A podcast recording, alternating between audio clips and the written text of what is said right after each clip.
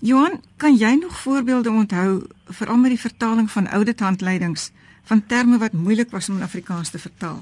Daar's sekere goed wat maar altyd waar bly as dit kom oor Afrikaans in die sakewêreld en in besonder ons het altyd gesê solank jy kliënte het wat daarop aandring gaan jy in Afrikaans moet werk.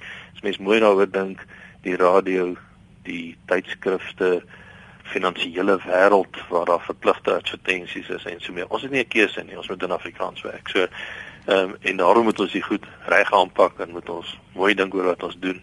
Nou die voorbeeld wat ek kan uh, onthou waarmee ons nou nogal interessante worstelinge gehad het by die auditeursfirma destyds was die term review. Mense eerste instink is hersien, wat is jou probleem? Maar ons het agtergekom dis nie waar waaroor dit gaan nie. Dis uh, ons het dit vertaal op die ou end met jy doen 'n oorsig van 'n stel finansiële state byvoorbeeld en dit was glad nie hersiening gewees nie. Ehm, 'n um, ander term wat ons ook destyds moes gebruik, jy sal onthou want jy het self ook daarmee gewerk was um, review a junior's work was dan nasien geweest. Uit die konteks moet jy dan kyk, is hierdie 'n oorsig wat ter sprake is? Of is dit nasien wat ter sprake is. Maar was nooit hersien gewees byvoorbeeld. Dit was maar tipies fakterm so ja. Iets wat ook vir my altyd interessant was was die kwessie van hoe terugvertaalbaar moet 'n term wees. En toe dink ek daaraan was dit wys om auditing standard as audit standpunt te vertaal? Ja ek het ook hier uh, oor die ding al baie nagedink um, want ek het onlangs ek doen wel nog uh, finansiële vertaling. En ek het ek kom toenemend agter niemand ken eintlik meer standpunt nie behalwe die mense wat direk met die raad op gekreëerde rekenmeester se dokumentasie werk want dis waar dit sy oorsprong gehad het. Ek dink dit is 'n ongelukkige keuse gewees veral ook omdat dinge redelik ontwikkel het met die internasionalisering van die ouditwese waar ek toenemend dink standaarde is eintlik die ding want dit gaan nie oor 'n standpunt wat gestel word nie maar dit gaan oor 'n standaard waaraan daar voldoen moet word. Hoe voel jy oor die Afrikaanse term boekjaar in plaas van finansiële jaar? Ek gebruik al baie jare lank net finansiële jaar. Ek gebruik eintlik nie meer boekjaar nie. Dis 'n alternatief waarvan ek weet ek sal dit gebruik by kliënte wat dit verkies. Maar ek dink nie ding is meer heeltemal so lewensvatbaar nie. Ek het lank gelede met iemand gepraat wat 'n argument probeer uitmaak het sê daar's eintlik 'n verskil in betekenis. Maar ek het vanoggend weer gaan kyk in die AT en in die VAT in besonder en ek het gaan seker maak daar is nie 'n verskil tussen boekjaar en finansiële jaar. Albei bestaan en ek dink mens moet jou maar laat lei deur die voorkeur van jou gebruiker maar vir my is die voor die hand liggende vertaling van financial year is finansiële jaar. Ja, kom ons nou weer by die terugvertaalbaarheid en die verstaanbaarheid. Ja, en miskien wil ek tog ietsie meer daaroor sê. Weet jy, oorspronklik het ek altyd toe ek begin eh, begin werk het as 'n vertaler by die Suid-Afrikaanse Bureau vir Standaarde destyds, het ek maar probeer om die betekenis weer te gee as ek 'n term moet skep. Maar toenemend het ek begin agterkom as jy hierdie perfekte betekenisoordrag het, maar jy erken nie iets van die oorspronklike daarin nie, dan loop jy jou eintlik teen 'n onlewensvatbare ding vas. Kom ek gebruik die voorbeeld van van spreadsheet hierso. Dis pragtige Afrikaans sigblad en ontledingsstaat wat 'n mens sien. Maar ek kan nie van sigblad en van ontledingsstaat terugkom by spreadsheet nie. Nou spreadsheet moet ek sê is eintlik ook nie heeltemal 'n akkurate benoeming in Engels nie en dis waarskynlik waar ons meesal die die probleem raakloop. Maar as 'n mens nou kyk na wat later in die Tiberwoordeboek opgeneem is waar daar parallel met sigblad en ontleding staat toe dan van 'n spreiblad en 'n spreitabel gepraat is. Want dis wat ek sien as ek hierdie Excel state sien, dis so oopgespreide groot tabel en en dit wat 'n mens visualiseer. En daarom is dit vir my eintlik 'n raker beskrywing en lê dit toevallig dan nou ook nader of net dalk nie so toevallig nie nader aan die Engels spreadsheet. En is die spreadsheet herkenbaar uit spreitabel terwyl dit nie herkenbaar is uit sigblad. In ontledingstaat se terugvertaalbare eh, of terugvertaling is is dan analysis sheet. Wat van headline earnings in Afrikaans Ja, dit is 'n interessante een want mense hoor nou sommige mense praat baie mooi van die wesensverdienste Ek kan nou 'n bietjie meer daaroor sê. En dan hoor mense dat die mense so agter die Engels aan van die van die hooflyn verdienste praat wat nou so klakkelose oorklanking van die Engels is. Ek onthou die eerste keer wat ek met die ding te doen gekry het, het iemand van een van die auditeurs beheerliggame my gebel en ek onthou nog presies waar ek gery het. Dit was so net onder die Krugersdorp Wildtuin daar op die N14. Toe bel die dame my en sy sê vir my hulle moet nou hierdie ding in Afrikaans vertaal en hulle het nog dis baie nuwe konsep wat wat nou so gonswoord begin raak het in die auditbedryf en in die rekeningkundebedryf. En hulle moet dit nou vertaal die headline earnings en sy weet nie regtig wat om daarmee te maak nie. Toe verduidelik sy nou vir my baie mooi wat dit is. En ons het met hoofopskrif eh, ons het nie eens aan hooflyn gedink nie want dit is vir my so transliterasie dat ek grol daarvan. En ons het toe die ding redelik rondgeskop en sy toe op 'n kol te sê sy dit kom maar daarop neer wat 'n mens in wese verdien het. En ja. ons besluit maar hoekom sê ons dan nie wesensverdienste nie want dit vat die essensie van die ding so mooi raak. So of iemand anders dit op 'n ander stadium ook iewers bedink het, weet ek nie, maar ek onthou dat ons in daai stadium vir die eerste keer besluit het wesensverdienste gaan gebruik word. Dan is daar 'n ander woord in in Engels wat ehm um, baie breër gebruik word en ek dink Afrikaans tref 'n mooi onderskeid en miskien kan jy daaroor praat en dis holding company. Onthou hoekom ons taxi begin gebruik het.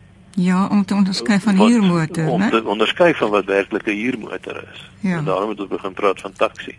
Nou hier is maar dieselfde geval, want 'n houermaatskappy, jy gaan jou vasloop die oomblik wat jy moet vertaal een van hierdie groot maatskappye wat vraghouers voorsien, want dis 'n houermaatskappy.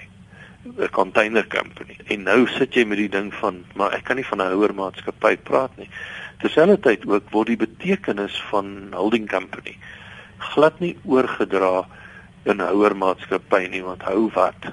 by aandelehouding gaan dit tog oor beheer al dan nie.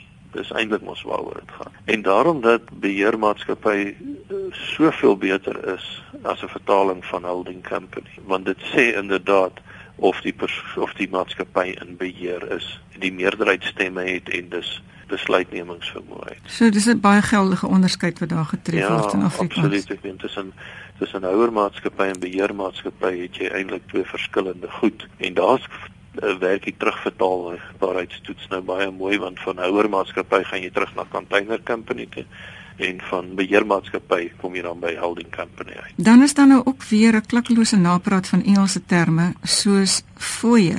Dink jy die stryd teen fooie is verloor? Soos die mense sê, ek dink ons toet teen die donder weer in hierdie geval.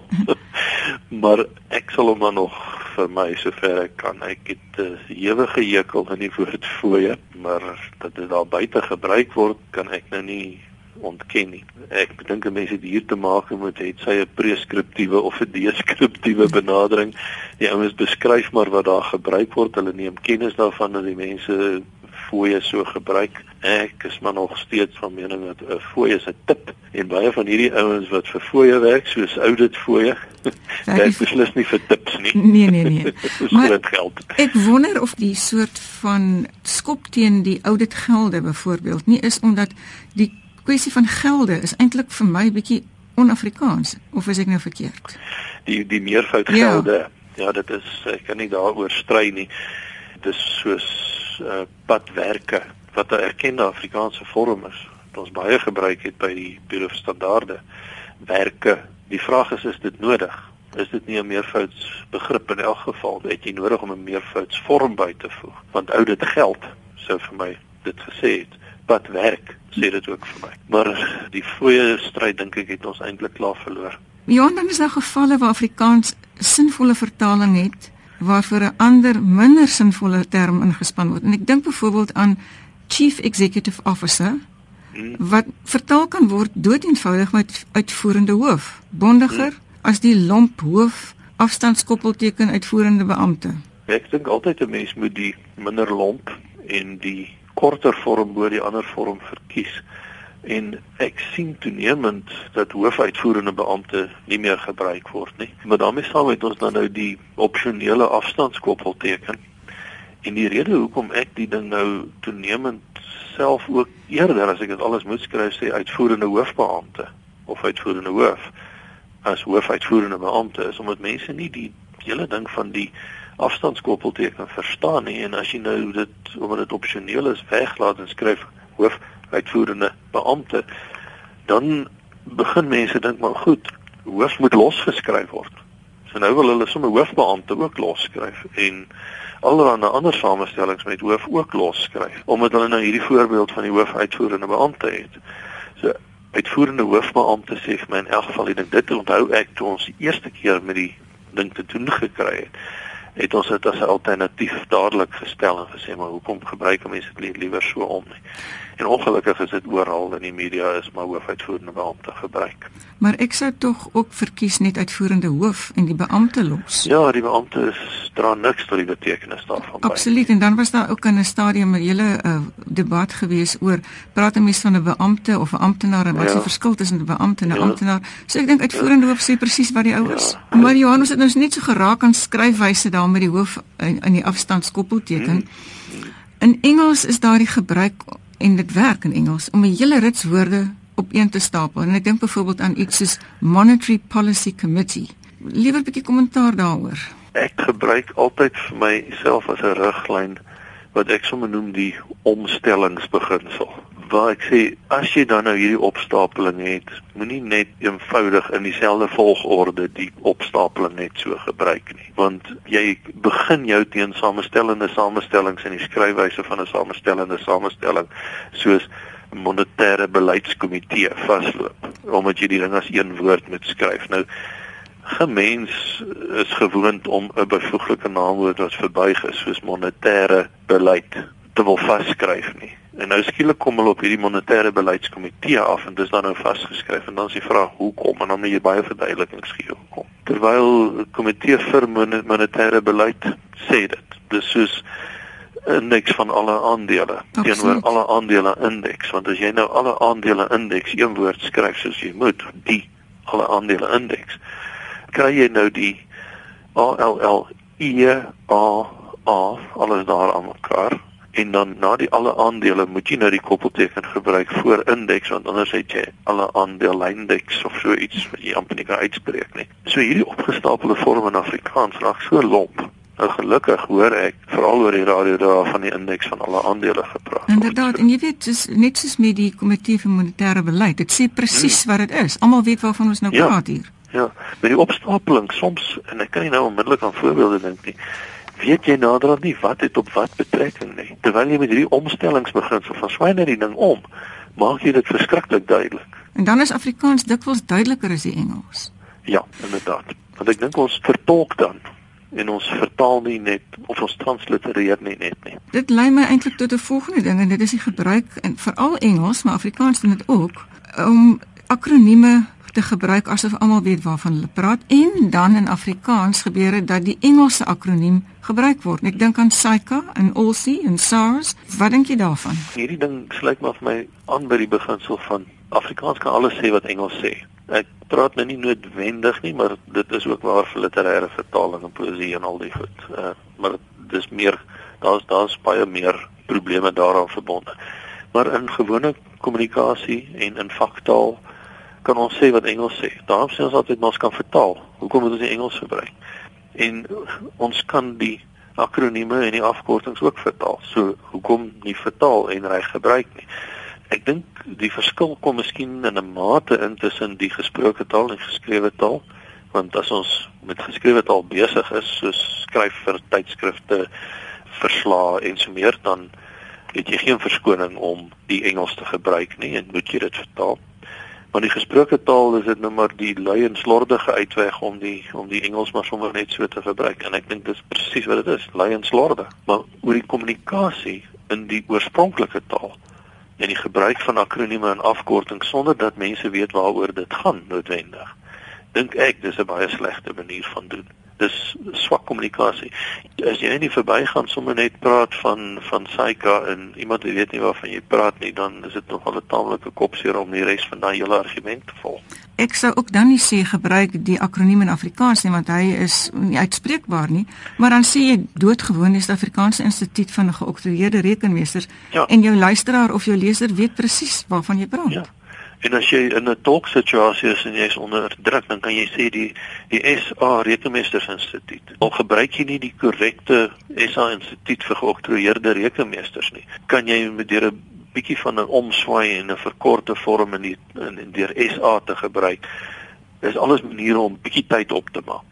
Selfs in die in die spreektaal. En definitief soos jy sê, die volvorm gebruik want dan kommunikeer jy net behoorlik. Ja, as jy nie die hele volvorm wil gebruik nie soos byvoorbeeld ehm um, die SAID, jy kan net eenvoudig sê die inkomste diens. Inkomste diens. Want want ons praat dis net soos jy, jy kan net sowel sê die Rekenmeestersinstituut. Maar 'n interessante ding byvoorbeeld is Eskom, né?